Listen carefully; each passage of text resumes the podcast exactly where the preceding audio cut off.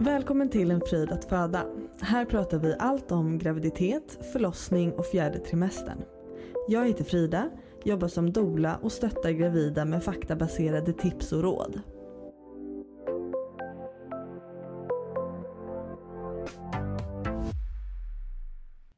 Idag kommer vi prata om förlossningstrauma. Så jag vill inleda det här avsnittet med en liten triggervarning. Om du känner en oro eller en rädsla inför en förlossning och vet med dig att det här är någonting som skulle kunna trigga dig eller göra dig orolig så kanske detta inte är avsnittet för dig. Däremot vill jag vara tydlig med att vi har ett lyckligt slut och det går bra till slut. Om du har en förlossningsrädsla eller oro så finns det hjälp att få via din barnmorska eller Aurora klinik så tveka inte att kontakta dem. Hallå på er och eh, välkommen till ett nytt avsnitt av En fröjd att föda. Idag sitter jag här med Alma som efter en traumatisk första förlossning valde att genomgå ett planerat kejsarsnitt när eh, dotter nummer två skulle göra entré till världen. Ja, precis. Mm. Hej. Varmt välkommen till En fröjd att föda. Tack. Innan vi dyker in i allting som hände här nu då, kan inte vi bara få en minut med Vem är Alma? Jag eh, heter då Alma. Jag jobbar med Gry med vänner på Mix Megapol med deras eh, sociala medier. Mm. Eh, jag har då två barn, en man och en hund. Härligt. Ja. Ingen villa än men Ingen villa, men en lägenhet som ändå känns som det är lite villa-vibe. Ja, eller i alla fall radhus-vibe. Ja det är det. Ja. Absolut. Har ni, har ni en Volvo? Ja. Jajamän. Ja, nej, men det är, Ja. då så. Det är bra. Det är bra. Eh, ja, du och din äldsta dotter är det ju då. Eh, ni fick ju en traumatisk första tid tillsammans. Ja. Eh, det var ju inte så mycket som gick enligt plan. Nej, det var det inte.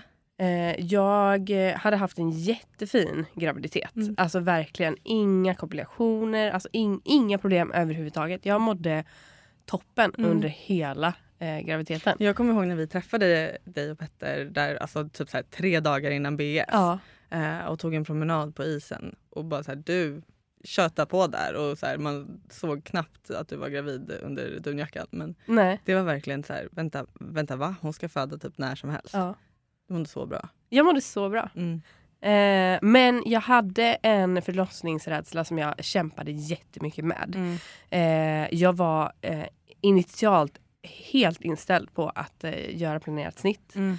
Eh, men jag alltså, kämpade superhårt för att bli av med min eh, rädsla. Och jag skulle säga att jag ändå lyckades. Mm. Eh, jag lyssnade på jättemycket poddar Mm. eh, och eh, försökte bara förbereda mig inför att så här, ja, men, det går som oftast bra. Mm. Eh, och jag tror att du sa det också i, i något eh, avsnitt att de som haft en traumatisk berättelse har ett mycket större behov av att prata om det Mm. än de som haft en fin upplevelse. Mm. Och ja, men så är det verkligen. Ja. att så här, det, det, Man hör inte om dem så här, Odramatiska. odramatiska. Enkla. Allt liksom det, Mm. eller så här, och om man hör om dem så går ju den storyn så snabbt. Ja, för det är bara så här, ja nej men det gick bra. Exakt. Och sen är det klart. Ja. Så, så det är så här, o- o- ja, okej. Okej, Bra. Toppen. eh, men nej, men jag, jag tränade jättemycket. Jag gick med eh, psykolog. Mm. Jag gick till PT för att både träna liksom, sinne och kropp. Mm. För att förbereda mig själv för alla as- aspekter. Liksom. Mm. Eh, och jag var också extremt påläst. För Mm. att en sak som gör mig väldigt trygg är kunskap. Mm. Där tror jag att du och jag är väldigt, väldigt lika. Och jag tror att de flesta är det. Och jag, Ja. ty- alltså jag tycker det är jätte, jätteviktigt att om man är liksom otrygg, att läs på Mm. och eh, liksom vara förberedd. Om du skulle ge något tips till en person som eh, just nu jobbar med en förlossningsrädsla. Vad, vad är ditt tips att hantera eller jobba bort en rädsla så? Mm, ja, men förutom så här, alltså information Ehm, så skulle jag också säga ehm, ja, men alltså fysisk träning. Mm. Gjorde ju jag. Jag Mm. gick till en gravid PT som Mm. liksom, för att träna upp min, min kropp liksom, bara så fysiskt. För att eh, jag skulle kunna känna att så här, men jag kan klara av en, en förlossning. Ja. Ehm, så ja, omringa dig med positiva stories. Fokusera på de som det kanske inte gick liksom 100% jättebra. Så fokusera på hur det blev. Ja. Att så här, okej, men de, de var kanske tvungna att eh, klippas. Då är det så här, okej, men hur, hur blev det av Mm. klippet? Ja, men ja, då kom bebisen ut och allting gick jättebra. Ja, men vad bra. Mm. Okej, vad, vad hände efter sugklockan? Mm. Okej, men barnet kom ut och det gick jättebra. Ja, men Ja. vad bra att man, man fokuserar på eh, den grejen. För Ja. att för personen som blir utsatt så kanske det är superduper traumatiskt. Ja. Men för alla som liksom, alla barnmorskor och, och läkare och hit och dit som jobbar med det är det så här, ah, perfekt, Ja. det här gick klockrent. Eh, så att, eh, att, att försöka se det från det, eh, den synen istället. ja, the silver lining liksom. Ja, eh, och under liksom, vad ska man säga, rubriken eh, information så skulle jag också alltså så här, utbilda dig i att ja, gå förlossningskurs. Mm. Eh, för det skulle jag säga, eh, vi gick två stycken. Mm. Eh, och det skulle jag säga var superbra. Kul. Mm. Ja, ja, men det är bra tips. Mm. Väldigt bra tips.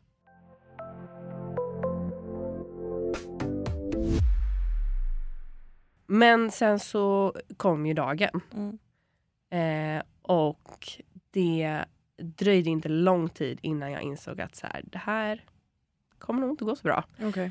Eh, vi kom eh, till BB vid tvåtiden. Eh, och blev eh, inlagda för då ha- hade jag ja, nå- uppnått de här kriterierna, Mm. eller i alla fall två av tre av dem. Ehm, men ganska snabbt blev det liksom fler och fler folk inne på mitt rum. Okej. Eh, och så vitt jag visste skulle det ju helst bara vara en barnmorska och en undersköterska. Mm.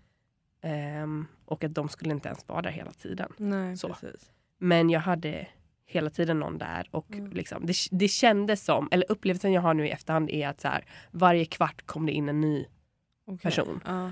Eh, jag vet inte hur många vi var till slut men alltså, vi, vi snackar ja, sex, sju pers Ja. liksom, inne på rummet som kollade på siffror och tog prover och gav mig medicin. Eh, en annan sak som fick mig att inse att så här, det här går nog inte så bra det var att jag fick eh, Bricanyl. Mm. Och jag hade läst på jättemycket om att så här, ja, men om, eh, om det går dåligt kan du få ett, ett hormon för att liksom pusha på eh, dina verkar. Mm. Bricanyl är väl verkavstannande? Exakt. ja, okej. Ja, förlåt. Nu. Ja. Ja. så att, så att, och, och, och jag var så förberedd på att man skulle få den här liksom, hormonet som skulle pusha på ens kropp till att föda. Men istället får jag den här som ska få min kropp att, att stanna, Stanna av. Fattar. Och då känner jag bara så här, det här, det här känns inte som att det här går så bra.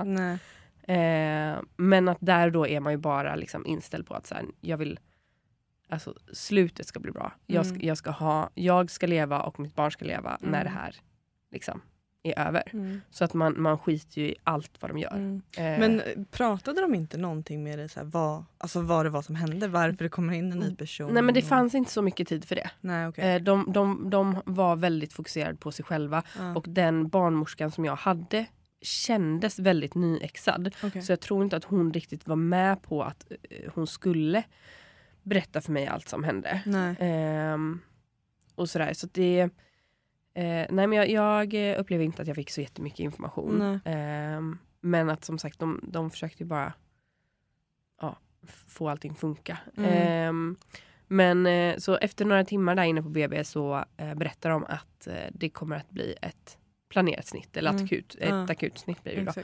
Ehm, och sen någonstans mellan att de säger det till att jag faktiskt ska opereras så ändrar de till ett urakut. Ja. Eh, så då sövs jag, eh, jag gör det här snittet.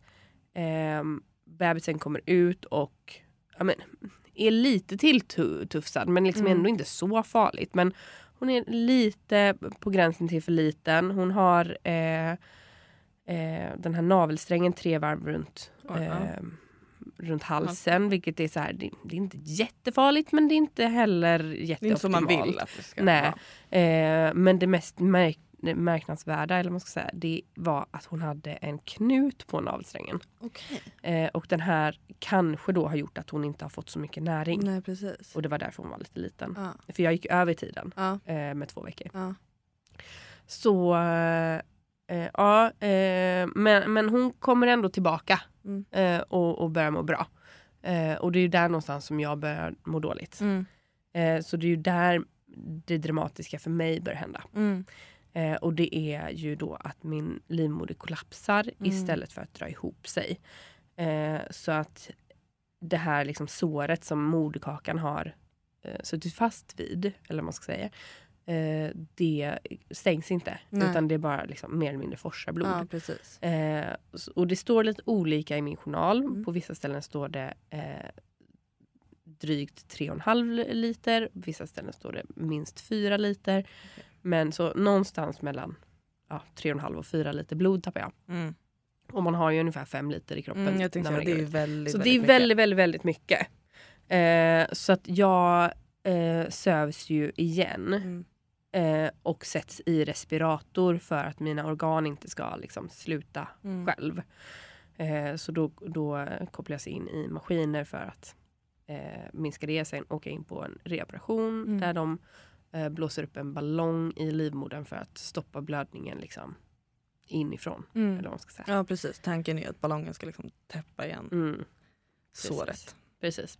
Eh, så att jag, eh, men det här, jag är ju inte med på något av det här. För Nej. att alltså, ända från att de söver mig till eh, att gå in på kejsarsnittet så är ju jag liksom antingen nedsövd eller i ett töcken av att jag liksom inte har något blod i kroppen och är helt, Ja. helt borta. Ja. Jag minns på uppvaket att jag kräks och att jag känner hur det liksom forsar Ja. eh, blod mellan benen. Mm. Alltså den här känslan som när man får mens. Alltså. Åh, nu rinner det till. Den där känslan. Och speciellt Mm. när jag kräktes och liksom spände magen på det sättet så kändes det som att det bara kom liksom en flod. Eh, så det är det liksom jag minns av det. Mm. Eh, och sen vaknar jag på då IVA.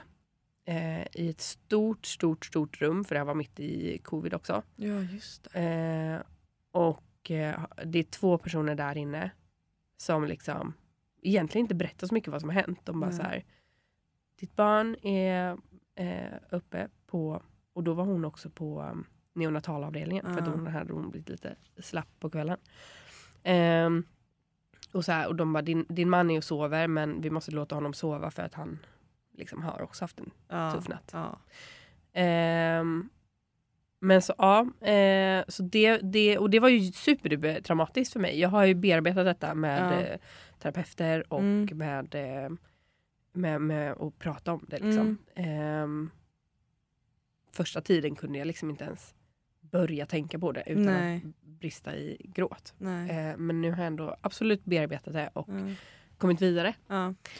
Jag tänkte, alltså, så här, hur har vården vad man ska säga, liksom, bemött dig efter det här? Alltså, har de kommit till dig med, liksom, med hjälp och så eller har du varit tvungen att kontakta dem för att få stöd och så?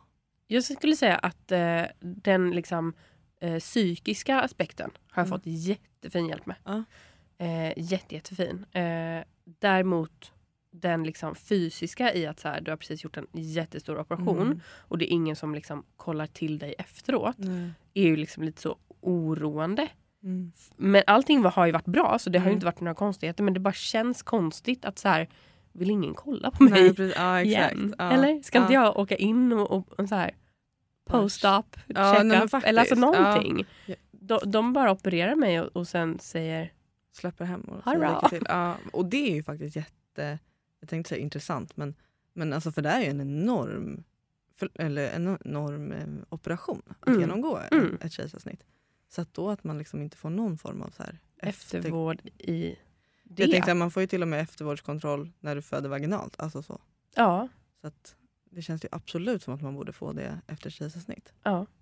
Men, eh, men ja, okej, så att den liksom, det, det psykiska, där har du fått ja, fin där har de absolut Ja. snappat upp en och eh, liksom varit väldigt mån om att, Mm. att man ska gå och prata med någon och eh, inte heller gett sig. För jag fick eh, prata med någon psykolog men jag gillade inte det för det var så här Mm. samtalsterapi. Mm. och jag är mer för typ KBT. Mm.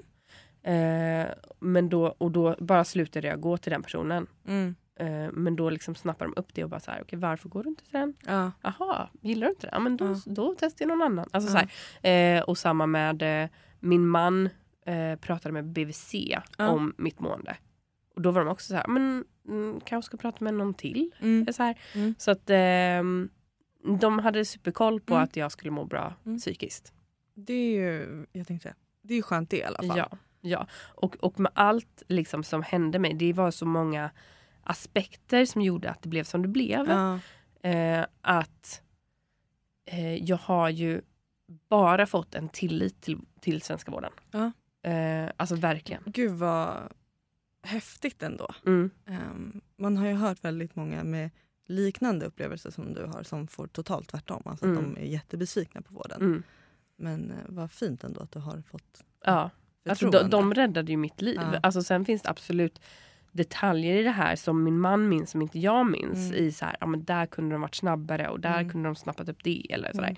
Mm. Eh, men alltså, allt som allt, liksom, några månader senare så hade jag ju liksom bra blodvärde igen. Mm. Jag mådde bra. Jag fick liksom massa hjälp. Alltså, jag, jag känner bara alltså, i... Det var ju ingen som kunde rå för det som hände. Nej. Men att det de gjorde där och då var ju ändå liksom så förebyggande de bara kunde. Ja. Ja. Mm. Eh, och det var också det som fick mig att känna att så här, nej men absolut ett barn till. För Ja. att för det första kan det liksom typ inte gå sämre än vad det gjorde. alltså det är... Förlåt att jag skrattar. Det är jättehemskt att jag skrattar åt det. Men, ja. Nej men eh, alltså det, det, kan- det, det, det, gick, alltså det är inte... Och när man också berättar så här, nej men jag hade en dålig upplevelse och folk bara så här, ah, ja. var det, var det lite... Gjorde det lite ont? Ja. Exakt. Man bara, nej jag vaknade på IVA. Alltså, Jag blev nedsövd och de bara okej, ja. fattar. Mm. Eh, men att eh, nej men det känns, eh, det, jag hade en extrem extrem trygghet till vården. Ja. Eh, så jag kände att det här gör vi absolut om. Mm. Ja, för det, alltså, jag tänkte, det tänkte jag också fråga. Så här, när, när det sen då var aktuellt med liksom barn nummer två, var det någonsin en liksom, tvekan hos dig eller hos er? Eh, alltså huruvida ni skulle ha ett barn till? Eller var Nej. det, det var Alltså liksom vi en hade ju också sagt det innan barn nummer ett. Ja. Att så här, vi vill ha två barn och gärna gärna tätt. Ja, Eh, och sen, alltså jag tror till och med på liksom det här liksom samtalet med läkaren när vi fortfarande var inne på sjukhuset, alltså Ja. bara liksom några dagar efter det här traumatiska kejsarsnittet. ja, Eh, så frågade jag så här, okej men hur funkar det med att bli med gravid igen? Eh, och att hon då sa att så här, men du får vänta minst ett halvår. ja. ehm, men att så här, du, du ska absolut kunna bli gravid Ja, igen. Så. mm. ja nej, men så det var, liksom, det var inget tvivel på att ni Nej. skulle göra det igen? Nej. Var det Egentligen inte. någonsin en fundering? För du bad ju sen då om ett eh, planerat snitt till nummer två. Ja, Var det någonsin en fundering på att göra det vaginalt? absolut. Mm. Det här och, och det kan än idag, alltså jag kan eh, någonstans sörja att så här, jag kommer inte få göra det här vaginalt. Och, Nej. jag, och där och då var det också så här, okej hur, hur ska jag tänka? Mm. Ehm, för att jag hade ju som sagt jobbat bort den här rädslan och Mm. jag var så redo att liksom göra Mm. jobbet. Eller Mm, vad säga. mm. Och jag, jag kände att jag var så pass stark och eh, så långt som jag ändå kom i min förlossning. För det, eh, jag hade ju verkarbete i, ja, alltså jag vet inte vad man ska räkna från, men från att jag kände de första verkarna till att de tog beslut om snitt, det Ja. var 12 timmar. Ja. Eh, och jag var ju inlagd i typ fem timmar. Ja. Eh, och jag hann öppna mig fem centimeter. Mm. Eh, Mm. Så att det är absolut, alltså jag, jag, jag hann ju ändå göra en del jobb. ja, verkligen. Och jag kände att så här, det här är inga problem. ja. Alltså jag Du har det här. det, Jag ja. fixar det här. Mm. Eh, sen absolut att det, smärtan ökar exponentiellt. Men Jo, men jag, jag kände verkligen så här, nej men det, det här är någonting jag kan göra. ja. Ehm, men efter mycket liksom fram och tillbaka och mycket absolut rädsla i att så här, jag vet inte vad som händer. Nej. Så kände jag ändå att så här, det känns bättre med, bättre med ett planerat snitt. Ja. För att då vet jag Mm. vilka skador jag kommer få, under vilka premisser jag gör det här. Eh, så det, det kändes ändå bättre. Mm. Eh, och med facit i hand var det helt rätt beslut. Mm. För att bebisen hade ju vänt sig och låg med fötterna först. Ja. Så att det hade ju ändå blivit ett akut snitt. Ja, precis. Så att Super. Super. Ja. eh, nej, så det, som sagt, med, med facit i hand så var det ju, det, det hade ju blivit ett snitt oavsett. ja. Men jag kan, jag kan absolut fortfarande ligga på nätterna och sörja att eh, jag inte kommer få eh, liksom, föda och ta emot mitt barn. För det var Mm. eh, en av mina drömmar. Att Mm. liksom, ta emot det själv. Ja. Fan. En målbild. Ja. Tufft. Mm.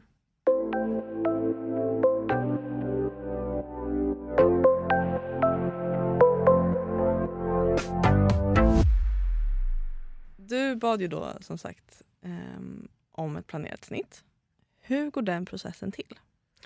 Eh, jag, jag fick ingen normal process. Eh, jag uttrycker att jag vill ha eh, ett samtal om snitt Ja. till min barnmorska vill jag minnas. Mm. Eh, och då får jag en remiss till det sjukhuset som jag vill göra det på. Mm. Eh, den här remissen, jag, jag kommer dit eh, och jag kommer inte ihåg vad läkaren hette som jag skulle träffa men säg att hon heter Johanna. Mm. Eh, hon, eh, jag hör hur receptionisten när jag sitter i väntrummet säger, ringer samtal och säger Hej hej, Johanna är sjuk idag så jag har bokat om dig till bla bla bla. bla. Och jag bara känner så här, ah, jag orkar inte att Nej. jag ska behöva åka härifrån. Och in, för nu vill jag bara prata med den här läkaren. ja, precis. Eh, men då när det är liksom, ja, den här receptionisten kommer till mig säger hon så här, hej, du väntar på Johanna, hon är sjuk, eh, men du ska få gå ner och eh, prata med en annan läkare nu direkt. Mm. Som heter eh, Erika. Mm. Och jag bara, ja men jättebra, tack. Så går jag ner och väntar på den här läkaren. Och så när de kommer, så alltså det, det går, alltså jag får gåshud bara jag tänker på det. För det går liksom kalla kårar genom hela min kropp och jag bara brister ut i gråt. Oj. För det här är läkaren som opererade mig till första. Är det sant? Ja. Alltså jag börjar gråta när jag Ah. det också. För det var liksom, nej men det var så sjukt för jag förväntade mig inte att träffa henne där och då. Nej. Och det här var liksom den här läkaren som hade då delvis räddat mitt liv men Ja. också varit med i den här extrema traumatiska händelsen. Eh, och, så, och så är det henne jag ska prata om Åh, med. gud, jag ryser så mycket. ja. Ja. Så jag sätter mig i, i det här rummet med henne och jag kan liksom inte sluta gråta. Nej. Eh, och när vi pratar, eh, jag trodde att det här var ett samtal i att typ så här, när vill du ha ditt snitt? Ja. Eh, men det var ett samtal i att så här, det här är riskerna Ja. för och emot. Mm. Eh, hur känner du? Vi behöver inte ta ett beslut idag. Mm. Men jag sa att nej, men jag har ju redan bestämt mig, jag vill ju Mm. ha snitt. Och eh, mellan raderna så kändes det som att det var det som hon gärna helst ville ha. Mm. Eh, på grund av det som hände förra gången. Ja. Eh, så att det kändes som att... Ja men det, jag vet inte. Det är absolut, alltså känslan jag har är att hon, hon pratar om så här, okej det här negativa, dan, dan, dan, Mm. dan, det här, så här kan det gå, så här, lalala. Det här är det positiva. Alltså Mm. det, här, det var, ja, men det, det känns som att eh, hon, spolade förbi hon städade bort Hon det städade negativa. bort. Ja. och liksom så pushade, eh, nej men inte pushade, hon pushade absolut inte för ett snitt. Nej. Men det var som att så här, hon, hon pratar om allt det negativa som kan ske under ett liksom, vaginalt försök. Ja. Eh, och sen när hon pratade om ett snitt så var det liksom, ja. Eh, och, och när hon säger till mig så här, vi behöver absolut inte ta ett beslut idag, ta det Mm. lugnt, Mm. lalala. och jag säger nej men jag, jag vill ha ett snitt. Mm. Då var det så här, okej jättebra, Mm. då Ja. bokar vi. Ja. Alltså så. Ehm, så då, eh, det, det var liksom ganska klappat och klart. Ja. Eh, och, och väldigt lätt för mig att få ett eh, då andra Ja. snitt. Ja. Ehm, och då fick jag också ge önskemål om när. Mm. För det var också en sak att så här, jag vill inte gå till vecka 40 och Nej. vänta Nej. för ifall det sätter igång. Jag vill inte, det var stressen av att det skulle vara akut och stressigt Mm. som jag kände var jobbigast där och då. Mm. Att jag vill ha det här lugnt och fint och planerat. Mm. Bara ordet akutsnitt, det, var, Ja, det kändes jobbigt. Ja. Och hon försökte förklara att så här, men det kommer absolut inte vara ett akutsnitt. Alltså, du vet ju själv, så här, du, du var ju ändå inne här i liksom fem timmar och du, du väntade ändå ja, om det var fem till sex timmar Mm. innan du åkte in. Alltså så här, sekunder du får de första verkarna, då gör vi ju ett snitt. Ja, och du, du har ju massa, massa timmar på dig. Mm. De här liksom, ja, vad säger man? Blixtförlossningarna. Ja, eller, ja, Mm. det, det är ju inte supervanligt. Nej. Nej, gud nej. Det är, jag vet inte procenten men det är ju Nej. typ De 5%. allra flesta tar det ju väldigt lång tid. Ja, eh, från att man känner att det börjar till att bebisen är ute. Mm. Eh, men jag stod på mig och sa att nej, jag vill få så absolut så tidigt som möjligt. Mm. Eh, och till slut så fick jag godkänt då att få ett snitt i vecka 38. Härligt. Mm. Kändes det bra? Ja men det kändes jättebra. Ja. Eh, och även om jag kan känna den här supersorgen i att jag Ja. inte kommer att få föda vaginalt. För att det kanske ändras men generellt så har du gjort två snitt så får du inte försöka vaginalt. Utan då vill de att man ska fortsätta eh, göra kejsarsnitt. Ehm, så troligtvis, även om jag skulle vilja Ja. eh, med ett eventuellt barn nummer tre eh, ha en vaginal födsel så kommer de inte... inte liksom. godkänna det eller råda Nej, till det. Precis. Just det. Och det är väl på grund av den ökade risken av att livmodern eller snittet, alltså att det helt enkelt inte pallar det trycket. Exakt, att de här sammandragningarna är liksom så pass starka att Ja. det kan rycka isär Ja, eh, ärret. Eller ja precis. Ehm, men, men och sen när vi väl gör snittet, det känns ju som att gå liksom VIP. Mm. ja. alltså VIP-linjen på flygplatsen. Ja. Man bara går förbi alla och bara Ja. hej. Ska Plockar ut mitt barn här. få min unge. Eh, så att hela den upplevelsen var ju helt fantastisk. Mm. Härligt. Mm. Mådde du bra efteråt? Och hur mådde, mådde dottern efteråt? Nej men allt var tipptopp. Mm. Ehm, alltså verkligen Mm. inget. Och, och det var också så stor och sjuk skillnad på hur jag mådde. Ja, Alltså i, i fysiskt i gud, jag kroppen. mig. Från att ha gått igenom liksom en halv förlossning och sen ett, det här urakuta snittet som blev en reoperation och all blodförlust och allting. Ja. Alltså jag eh, kämpade ju med att liksom två dagar eller tre dagar efter eh, det här första snittet Ja. att han ställa mig upp. Ja. Medans alltså om det var typ så här två timmar eller tre timmar efter det här planerade snittet Ja. då stod jag upp och gick på toa själv. ja. Shit. Ja, Så okej. det var, det var så Mm. stor skillnad. ja, det går ju inte att jämföra. Nej det går verkligen inte att jämföra. Eh, och, och jag vet att så här, under snitt två då, eller efter snitt två, så kommer en barnmorska in och bara hej hej jag tänkte bara vi kanske ska testa att sitta upp en liten stund. Och jag bara aha nej jag var på toa för en halvtimme sedan själv. Och hon bara aha det kanske du inte skulle gjort men Ah, ja, ja då vet vi. Ja. Ehm, You're fine. You're fine. Så det var, nej men det var en, en helt fantastisk upplevelse Mm. faktiskt. Kul. Mm. Gud vad skönt. Mm. Nej, men okej, och du säger så här, du fick inte den eh, vanliga behandlingen vid ett eh, förfrågan av ett planerat snitt? Nej men jag tror inte det. Nej. Eh, Eller, eller så här, också med tanke på att jag fick träffa min faktiska läkare Ja, eh, som gjorde snitt förra gången. Alltså det blev liksom, det blev inte riktigt som eh, vanligt. Nej. Ehm, jag skulle säga att förfarandet är väl ungefär likadant Mm. vid ett, alltså när man vill ha ett andra kejsarsnitt. Ja, Eh, för att vid ett första kejsarsnitt då ska man ju prata med Aurora sköterskor ja och, och lite så. precis.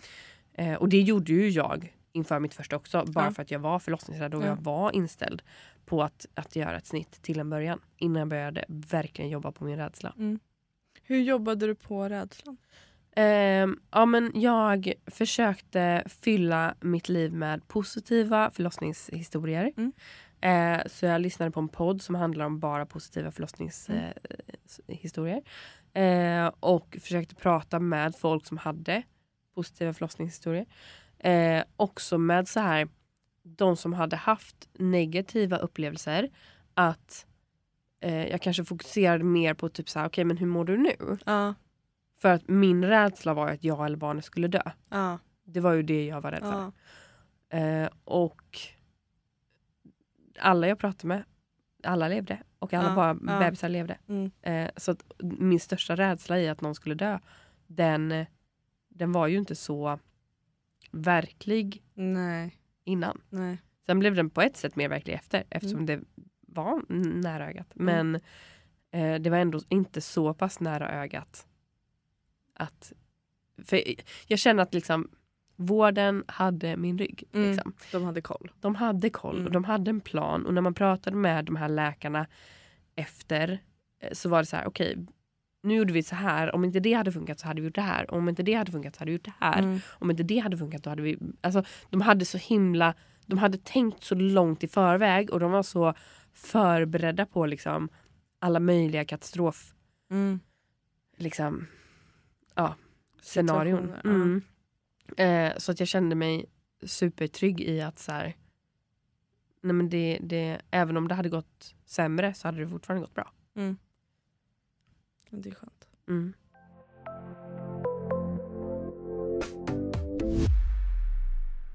Det är, Jag kommer aldrig glömma eh, så här, när, eh, när hon hade kommit och ni hade lagt ut på Instagram. Um, och så vet jag att jag eh, skrev till din man då och bara så här Åh grattis, liksom, har, har allting gått bra? Uh, eller jag tror jag skrev typ hoppas allting gick bra. Uh, och han svarade att här, ja men nu mår alla bra.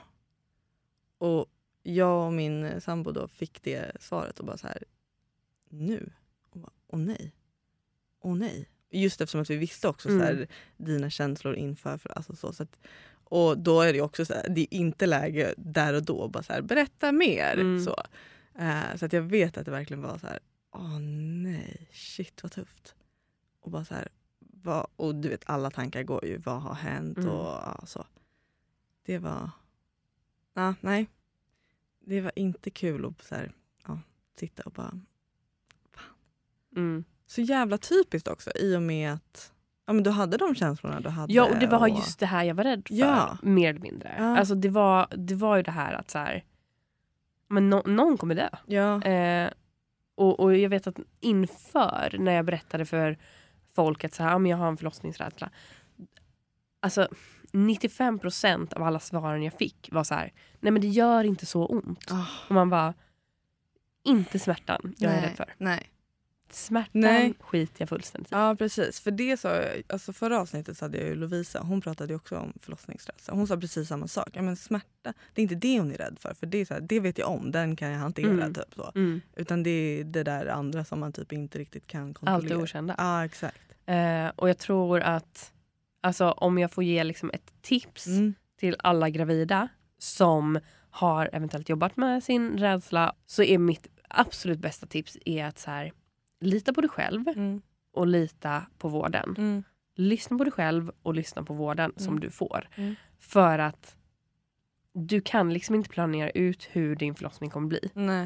Eh, och ha väldigt vaga målbilder. Mm. Ha inte liksom superspecifikt i att så här när barnet kommer så ska min man ha blåa strumpor och jag ska ha en tofs eh, till höger om min, mitt öra. Och, alltså så här, för så här, Det kommer inte hända. det kommer inte hända exakt exakt som du vill. Nej. Så ha istället en, en vag bild på att så här, jag vill ha upp mitt barn på bröstet så Mm. snabbt som möjligt. Mm. Eller eh, absolut att man kan ha liksom, jag, alltså, det är klart man kan säga att jag önskar att eh, föda i den här ställningen. Men Ja, ja. även det är Mm. ju så här. Det är inte säkert att det blir bäst där Nej, och då. verkligen inte. Det Ha- vet jag inför min förlossning Ja. så var jag precis så att men jag vill föda så här. Och sen så testade vi det och då kände jag på en gång att men det här kommer aldrig gå. Alltså jag får ingen kraft. Alltså så, så då var det så här, nej bra, då byter vi liksom. Ja. Så, att, så att lyssna på dig själv, lyssna Ja. på vården och verkligen ta det som det kommer. Mm. Bra tips. Och, och ha en, en slutmålbild ja. i att så här, ni kramas och mår bra. Ja.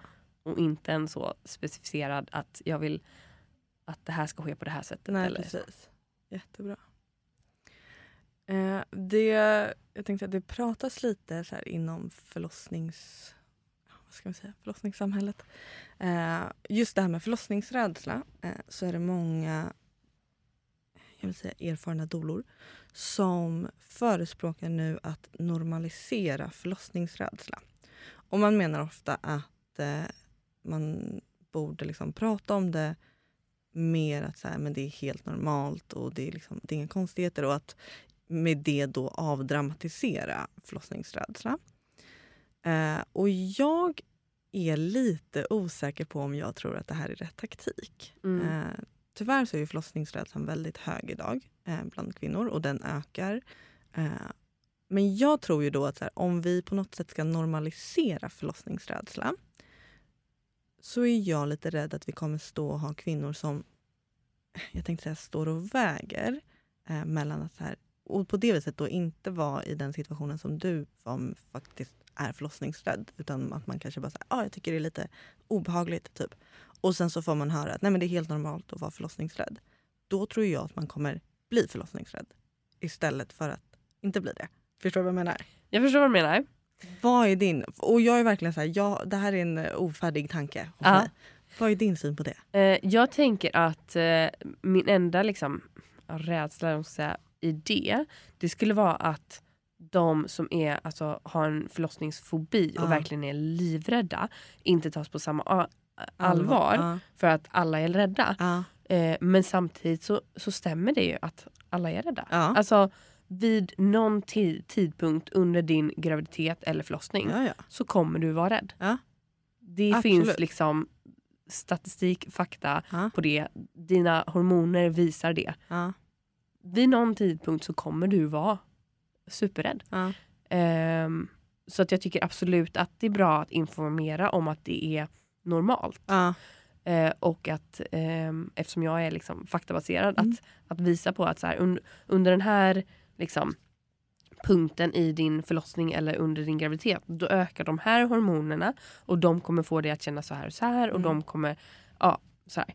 Ehm, så att jag tror att eh, det, det är viktigt att ha en förståelse Mm. i det Mm. och i att ja men 10 av 10 som är första föderskor kommer vara rädda. Mm. Och troligtvis 9 av 10 andra föderskor kommer vara rädda. Alltså Mm. man är rädd. Mm. Ja, alltså precis på det viset så är väl alltså, den biologiska sammansättningen i kroppen gör att liksom smärta det startar rädsla. Ja. Så att, eh, men som sagt som du säger, att sen finns det ju en väldigt olika gradering av vilken typ av rädsla man har Mm. eh, och hur den utspelar sig. Mm. Ehm, men ja, men det är intressant för som sagt jag börjar höra mycket nu om det här. Så men vi måste normalisera förlossningsrädsla. Eh, och jag, jag förstår verkligen vad vi menar men jag är också rädd att det liksom ska göra att man tippar över. Alltså du vet att det är så här, ja, Mm. Att vi får det att låta som att du borde vara rädd för att föda. Mm. Vilket så här, det stämmer ju inte alls. Nej. Inte i Sverige idag i alla fall. Alltså, Nej. vi har ju en av de bästa förlossningarna. Alltså så. Så att borde vara... Alltså, ja, jag vet inte. Jag, jag slits lite med... Nej men jag tycker, jag, jag är fortfarande på team eh, normaliserade. Ja. Ehm, just för att det är normalt. Ja. Och att man kan absolut prata om det. Ja. Att Mm. det är liksom Mm. någonting man inte vet vad som kommer hända. Mm.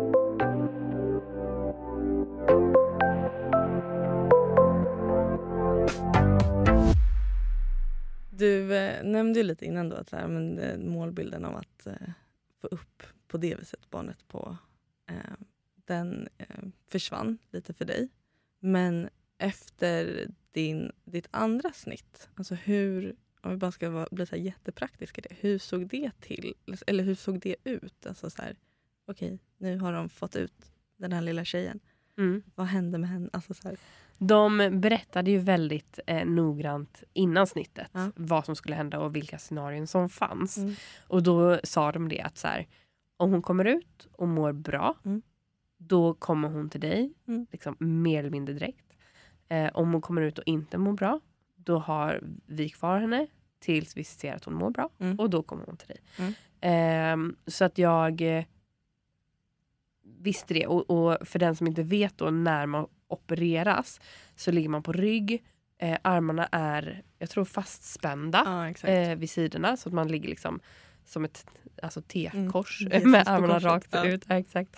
Ehm, och eh, så har man ett skynke alltså precis liksom under brösten Mm. nästan. Alltså innan liksom gravidmagen börjar.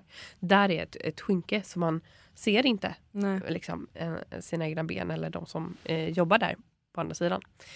Ehm, så att när eh, jag opererades så eh, berättade de ju också vad Mm. som hände. Mm. Eh, och i mitt fall så sa de vi ser några fötter för Mm. att hon kom med fötterna Ja, först. det, ja. Eh, så då plockar de ut henne med fötterna först och eh, det dröjer inte lång tid förrän vi hör liksom ett så här så. Eh, och då förstår jag att så här, men hon mår ju bra. Ja. Eh, och då kommer hon till mig väldigt snabbt. Eh, så hon ligga på eh, mitt bröst. Mm. Och så ligger hon där medan de stänger och opererar mig. Mm. Och eh, hon får ligga där ett bra tag och sen börjar jag må illa. För det är också med Mm. medicinen och allting Mm. så. eh, händer grejer. Och, och då tar min man henne och jag får kräkas lite och sen får hon komma tillbaka till mig. Ja. Eh, och så ligger hon där. För jag, och då spänner de också loss mina armar så då får jag liksom alltså, hålla, Hålla på henne och, och klappa. Så att jag Ja. sitter liksom inte eh, fast då. Nej. Ehm, ja, eh, så det, och sen så var hon med mig Mm.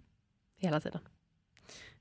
Är det, det här kanske är en jättekonstig fråga, men är det liksom inte... Det motsvarar inte den målbilden som du hade?